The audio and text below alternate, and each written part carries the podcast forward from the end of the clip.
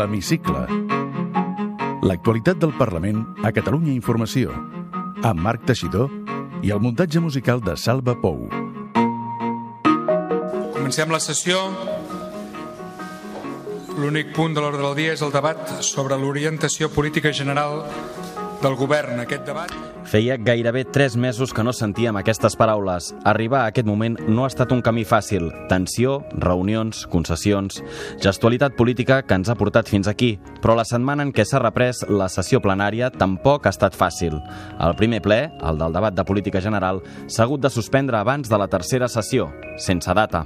Semblava que Junts per Catalunya i Esquerra havien resolt la suspensió temporal dels diputats empresonats i Carles Puigdemont, però un moviment d'última hora ho va fer saltar tot pels aires. Benvinguts a l'Hemicicle. L'Hemicicle. L'actualitat del Parlament a Catalunya Informació. Dimarts al matí, ple extraordinari per aprovar el dictamen pactat per Junts per Catalunya i Esquerra. Jo demano a tothom que, que es posi al costat de la democràcia. Això no va d'independència ni no. Això va de respectar el Parlament. i perquè ningú des d'una altra institució li pugui retirar l'acte que li ha concedit per vot popular la ciutadania a Catalunya.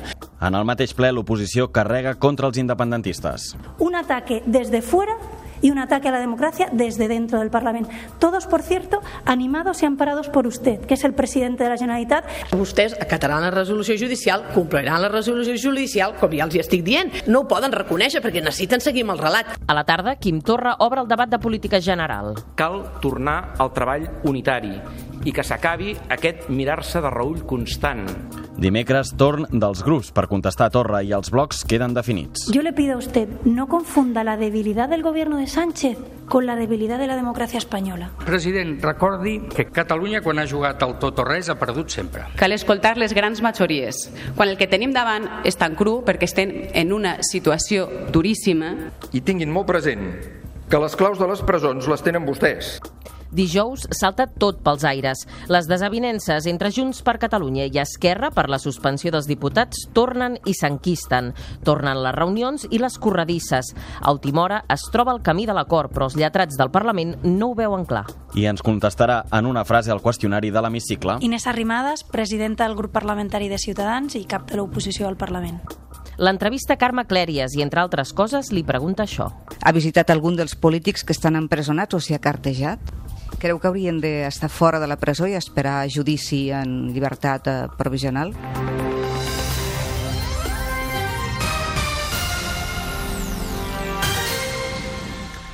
Amb l'arribada de l'octubre i deixant l'estiu enrere, torna l'activitat plenària al Parlament, concretament el dimarts dia 2, l'endemà de l'aniversari de l'UO. Una efemèride que acaba amb incidents a les portes del Parlament i que escalfa la represa parlamentària. El primer ple del curs és per resoldre la situació dels diputats suspesos pel jutge Pablo Llarena, Oriol Junqueras i Raül Romeva d'Esquerra i Jordi Sánchez, Jordi Turull, Josep Rull i Carles Puigdemont de Junts per Catalunya. Ho expliquem amb Àngels López. La solució per resoldre la suspensió temporal imposada pel jutge del Tribunal Suprem per als diputats empresonats i Carles Puigdemont arriba a través d'un dictamen acordat entre Junts per Catalunya i Esquerra Republicana. Es tracta de portar a ple la votació de dos punts. El primer, rebutjar en sessió plenària la resolució de Llarena en què suspèn els diputats processats. El segon, aprovar que els afectats puguin designar un company del seu grup per poder exercir els seus drets parlamentaris. Arriba l'hora d'argumentar-ho i Marta Madrenes, de Junts per Catalunya, i Gerard Gómez del Moral, d'Esquerra, tenen clar l'objectiu del dictamen que se sotmetrà a votació. Jo demano a tothom que, que es posi al costat de la democràcia. Això no va d'independència ni no.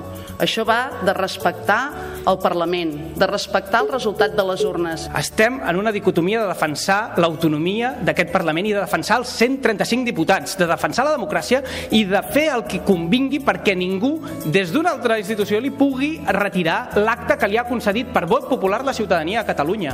Des de Ciutadans, la cap de l'oposició, Inés Arrimadas, carrega contra els independentistes i ho fa recordant els fets de l'aniversari de l'1 d'octubre. Y tengo que reconocer que no va a tener imágenes tan impactantes como la violencia de ayer, porque claro, la- las imágenes de ayer son mucho más impa- impactantes. Pero como ataque a la democracia, le digo que son casi lo mismo. Un ataque desde fuera y un ataque a la democracia desde dentro del Parlamento. Todos, por cierto, animados y amparados por usted, que es el presidente de la Generalitat, que en vez de ser el presidente de la Generalitat, usted lo que parece es el cabecilla de un comando separatista violento, que eso es a lo que a usted le gusta jugar. El PSC i el PP tampoc estan d'acord amb l'estratègia dels independentistes i tenen clar per què ho fan. Sentim Alicia Romero, diputada socialista, i Santi Rodríguez, dels Populars. Vostès acataran la resolució judicial, compliran la resolució judicial, com ja els hi estic dient, perquè de fet ja s'està aplicant ja s'està aplicant, encara que vostès no ho vulguin reconèixer. No ho poden reconèixer perquè necessiten seguir amb el relat. Avui podran sortir vostès al carrer i dir al Parlament ens hem rebel·lat contra la resolució del jutge Llarena al Tribunal Suprem i no hem aprovat la suspensió. I quedaran molt bé. Enganyats. Enganyats vostès i enganyant a la resta de la gent. Perquè la realitat, quina serà? Que estaran suspesos. També a l'oposició, però des d'un altre punt de vista, es van expressar Catalunya en Comú Podem i la CUP. Pels comuns, el dictamen és un gest polític, com explica Marta Ribas, i Vidal Aragonès, de la CUP, remarca que el seu grup està en contra de la resolució de Llarena. Sabem perfectament que és un vot simbòlic, un vot d'expressió política d'un Parlament respecte d'una interlocutòria judicial a la qual volem deixar clar que no compartim. Nosaltres votarem en contra d'aquest segon apartat perquè amb un resultat contrari al mateix es mantenen tots els drets d'aquests sis diputats, no queden alterats i continua la voluntat pròpia del Parlament perquè es mantinguin els seus drets. Finalment, comença la votació. Abans, però, els diputats de Ciutadans i els del Partit Popular abandonen la cambra i el PSC s'hi queda, però no hi participa. Superada la votació, el primer punt rebutja la interlocutòria de Llarena amb els vots de Junts per Catalunya, Esquerra, Catalunya en Comú Podem i la CUP. El segon punt s'aprova amb els vots a favor de Junts per Catalunya, Esquerra i els Comuns. En contra hi voten els quatre diputats de la CUP. Per tant, els diputats processats podran designar un company de grup per exercir els seus drets parlamentaris. Amb aquest tràmit dels diputats suspesos per Pablo Llarena superat, a la tarda comença el debat de política general. Torn per al president de la Generalitat, Quim Torra, que avisa Pedro Sánchez que els independentistes deixaran caure el seu govern si abans del novembre no posa damunt la taula una proposta de referèndum pactat per a Catalunya. Torra també adverteix que una sentència condemnatòria contra els presos independentistes abocarà la legislatura a un punt de no retorn. Repassem el més destacat del discurs de Torra. Ultimàtum al govern espanyol. El marge del president Pedro Sánchez s'ha acabat.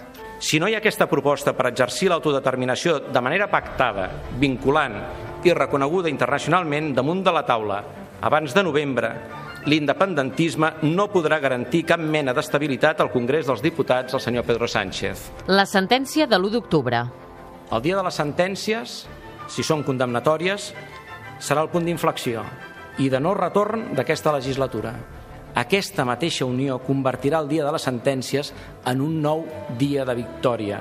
No ens aturarem fins a fer efectiu el resultat del referèndum. No som aquí per administrar una autonomia. La causa justa de la independència. Pensen vostès que el poble ho acceptarà? Pensen vostès que el poble no reaccionarà? Pensen que no ho faré jo o el govern que presideixo? Sobre les sentències dels presos construirem la nostra causa justa. Si condemna els presos polítics i exiliats, l'estat espanyol estarà legitimant davant del món el dret de Catalunya a l'autodeterminació a esdevenir un estat. El camí és la no violència. El primer d'octubre es va fer a cara descoberta perquè en l'exercici de l'autodeterminació no tenim res a amagar. Hem d'exigir-nos i hem d'exigir que la mobilització que necessitem pels drets civils, socials i nacionals dels catalans sigui sempre no violenta, radicalment no violenta. Autocrítica. Cal tornar al treball unitari i que s'acabi aquest mirar-se de reull constant. Els dirigents polítics ens hem d'explicar més i millor. S'ha fet evident que una part de la població no comprèn la nostra acció política.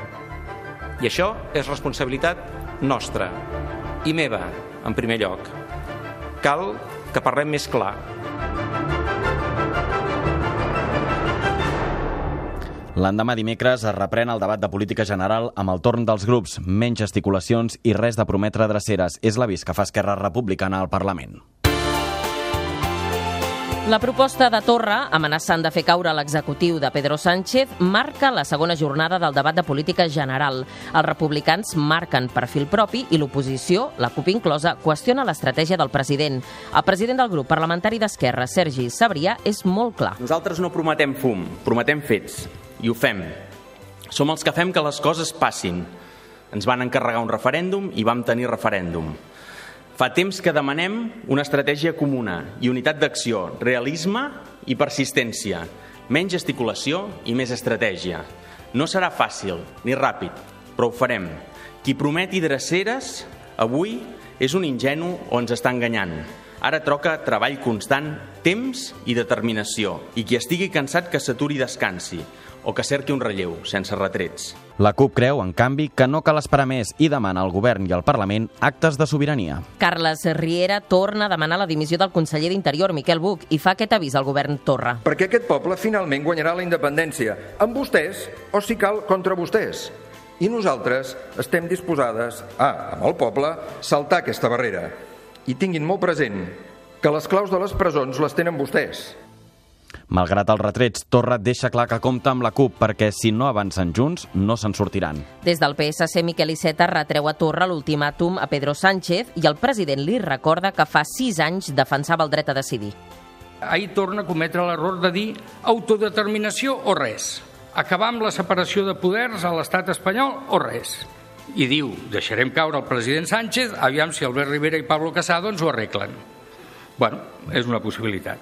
Ara, president, recordi que Catalunya, quan ha jugat al tot o res, ha perdut sempre. No estem en aquesta pantalla, senyor Iceta? No. Ha canviat d'opinió. Ah, no, no, però això ho va dir vostè. Això està, està gravat està gravat d'una intervenció seva. I jo pensava que, no, home, aprofitant la visita del senyor Pedro Sánchez a, a Canadà, doncs eh, em semblaria interessant eh, que vostè li fes arribar que vostè li fes arribar el que pensava doncs, fa justament sis anys. Un dels moments del debat el protagonitza la cap de l'oposició, Inés Arrimadas. Ensenya una bandera espanyola des del faristol per advertir al president Torra que ni ell ni el que ell anomena els seus comandos separatistes faran fora aquesta bandera de Catalunya. ¿Qué es lo que va a hacer usted cuando usted no acepte las sentencias de los tribunales? O peor aún, ¿qué está animando usted a hacer a los comandos separatistas, señor Torra?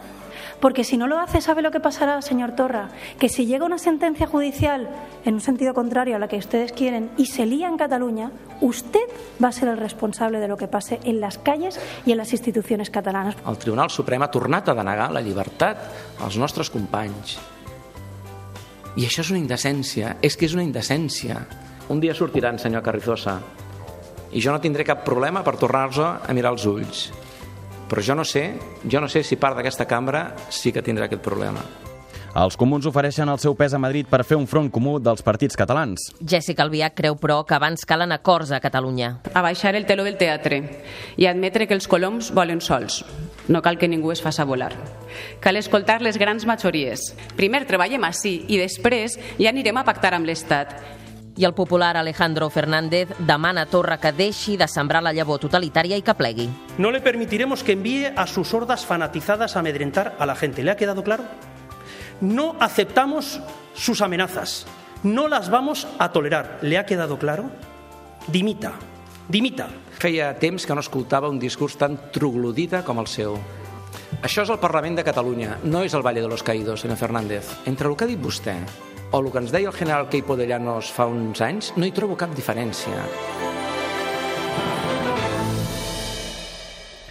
Dijous és el moment de votar les conclusions del debat de política general amb les propostes de resolució, però abans de començar el ple es complica la situació i no reprèn al migdia com estava previst. Situem-nos. Quin és l'origen d'aquest bloqueig parlamentari? En la interpretació del dictamen que fa cada grup, mentre que els republicans presenten un escrit individual de Junqueras i Romeva on designen el president del seu grup per votar en nom seu, Junts per Catalunya presenta dijous al matí un únic document signat pel portaveu del grup, Albert Batet, perquè Puigdemont, Turull, Rull i Sánchez puguin votar a través del vot delegat ja aprovat el mes de maig. Dues fórmules diferents cobren escenaris i conseqüències diferents. Els lletrats alerten que si no rectifiquen, els quatre vots de Junts per Catalunya no seran vàlids. Per tant, caurà la majoria parlamentària dels dos socis de govern. S'exigeix un nou document individual dels quatre diputats afectats demanant la delegació de vot, però d'acord amb el dictamen aprovat pel ple del Parlament. Quin és l'acord que tanquen els dos grups després d'hores de reunions? Al cap de 5 hores de negociacions es pacta que Junts per Catalunya presentarà quatre nous escrits per part dels diputats, però avalant la petició del vot delegat demanada al matí per Batet i especificant que ho fan d'acord amb el dictamen aprovat al ple. Una fórmula que no parla en cap moment de designar el vot, cosa que sí que havien fet Junqueras i Romeva dimarts, ajustant-se a la literalitat del dictamen aprovat en el ple. Ells van designar el vot temporalment a Sergi Sabrià, però no el van delegar. Eduard Pujol, de Junts per Catalunya, i Sergi Sabrià, d'Esquerra Republicana, compareixen conjuntament en roda de premsa per la tarda. Aquests documents eh, verifiquen que l'escrit entrat aquest matí és la voluntat dels diputats Puigdemont, Sánchez, Turull i Rull. Di Sánchez, president del grup parlamentari de Junts per Catalunya, expressa la meva voluntat d'acord amb la resolució del ple de 2 d'octubre de 2018. Però per què no ho veuen clar els lletrats i per què la tensió arriba a la mesa? Els lletrats els genera dubtes jurídics que els diputats de Junts puguin delegar el vot després de la resolució del jutge Llarena i del dictamen aprovat al ple de dimarts. Els comuns reclamen al president del Parlament, Roger Torrent, que no consideri vàlids els escrits perquè, segons ells, no respecten el dictamen que van aprovar i que fixa designar el vot temporalment en un company de grup, no delegar el vot. L'oposició avisa que estem en una tessitura semblant a la legislatura passada, que pot acabar malament.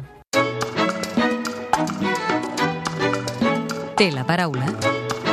Inés Arrimadas, presidenta del grup parlamentari de Ciutadans i cap de l'oposició al Parlament. En una frase. Senyora Arrimadas, què hauria de ser Catalunya segons vostè? Un motor econòmic, social, cultural d'Espanya de, i, de, i del sud d'Europa. Hi ha presos polítics a Catalunya? No. Ha visitat algun dels polítics que estan empresonats o s'hi ha cartejat? No, vaig parlar amb alguns d'ells abans de tot, intentant doncs, eh, dir en privat, eh, sense cap tipus de càmeres ni res, que, que de veritat que s'ho pensessin, que això no ens portaria en lloc, però crec que van sentir més o van fer més cas a la gent que sí que els hi va animar a fer el que van fer. Creu que haurien d'estar fora de la presó i esperar judici en llibertat eh, provisional? Jo respecto les decisions judicials i crec que els polítics no poden estar per sobre del que decideix la justícia. Si la gent del carrer normal no pot decidir si vol estar fora o dintre la presó o si vol decidir quines són les seves penes o les seves sentències, crec que els polítics tampoc ho poden fer. Catalunya té dret a l'autodeterminació? No, segons la normativa no només d'aquí, sinó la internacional i com van dir des de la, Unió, des de la, la ONU, Catalunya no és una colònia, no és una terra en conflicte bèl·lic i per tant no és una terra on tingui reconeguda a nivell internacional el dret a l'autodeterminació. La millora de l'autogovern és pantalla passada? El que s'ha de fer és gestionar millor el nostre autogovern. Tenim moltes competències que no es fan servir, d'altres que es fan servir d'una manera molt ineficient i a mi el que m'agradaria és millorar la qualitat de vida dels catalans i per això tenim moltes competències, insisteixo, que s'han de gestionar bé o fins i tot començar a gestionar en algun cas. Quina autocrítica creu que hauria de fer l'unionisme? Segur que tots podem fer les coses millor, segur que, que els constitucionalistes segur que ens hem equivocat en coses, però evidentment qui ha portat Catalunya en aquesta situació situació ha estat el govern separatista, sens dubte. Si el seu partit guanya les eleccions a Barcelona, què és el primer que faria? Tenim moltes coses a fer a Barcelona, tenim un greu problema d'accés a l'habitatge, tenim un greu problema de mobilitat, de seguretat, de contaminació, de recuperació de la imatge internacional eh, de Barcelona i hi ha molts projectes que porten molt de temps en un calaix i que s'han de recuperar. Com s'ha de fer perquè tothom tingui dret a una vivenda digna? Hi ha mesures, eh, no hi ha una vareta màgica, però sí que mesures d'habitatge que han sigut eh, exitoses en d'altres països i, i en primer lloc jo crec que el foment del lloguer social o el foment fins i tot de posar en lloguer habitatges que estan buits ara mateix i afavorir els, per, perquè els propietaris puguin posar aquestes habitatges, aquests, aquestes vivendes en lloguer, jo crec que és fonamental. I també, evidentment, una bona planificació urbanística que faci que, que no sigui gairebé impossible viure a Barcelona perquè hi ha molta, moltes persones que, que estan marxant de Barcelona perquè no poden, no poden pagar un lloguer, ni molt menys un comprar una, un habitatge. No? Com se soluciona la pobresa energètica? Hi ha respostes a curt termini i a llarg termini. A curt termini, evidentment, s'ha d'ajudar a les famílies més vulnerables que no poden ni, ni pagar la llum, no? ni pagar la calefacció quan arriba l'hivern.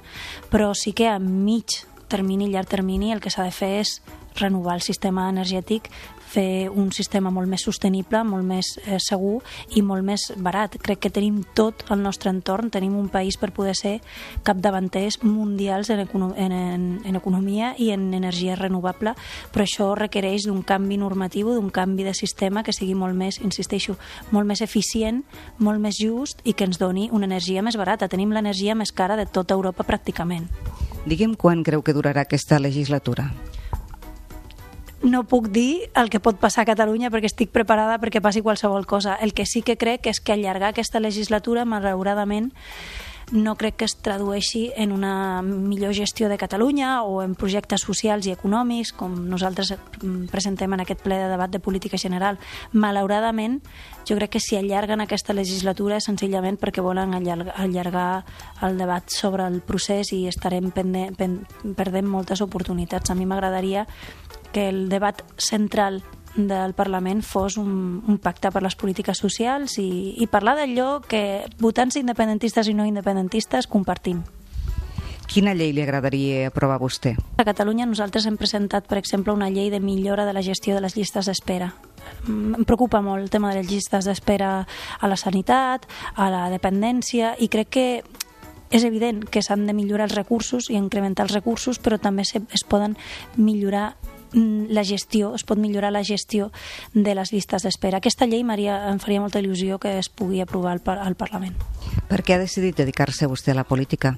Miri, jo la veritat és que no havia pensat mai dedicar-me a la política, però quan un comença a implicar-se una miqueta més en defensar els teus ideals, els teus ideals i, i comences a veure la situació política a Catalunya molt complicada, al final decideixes fer un pas endavant.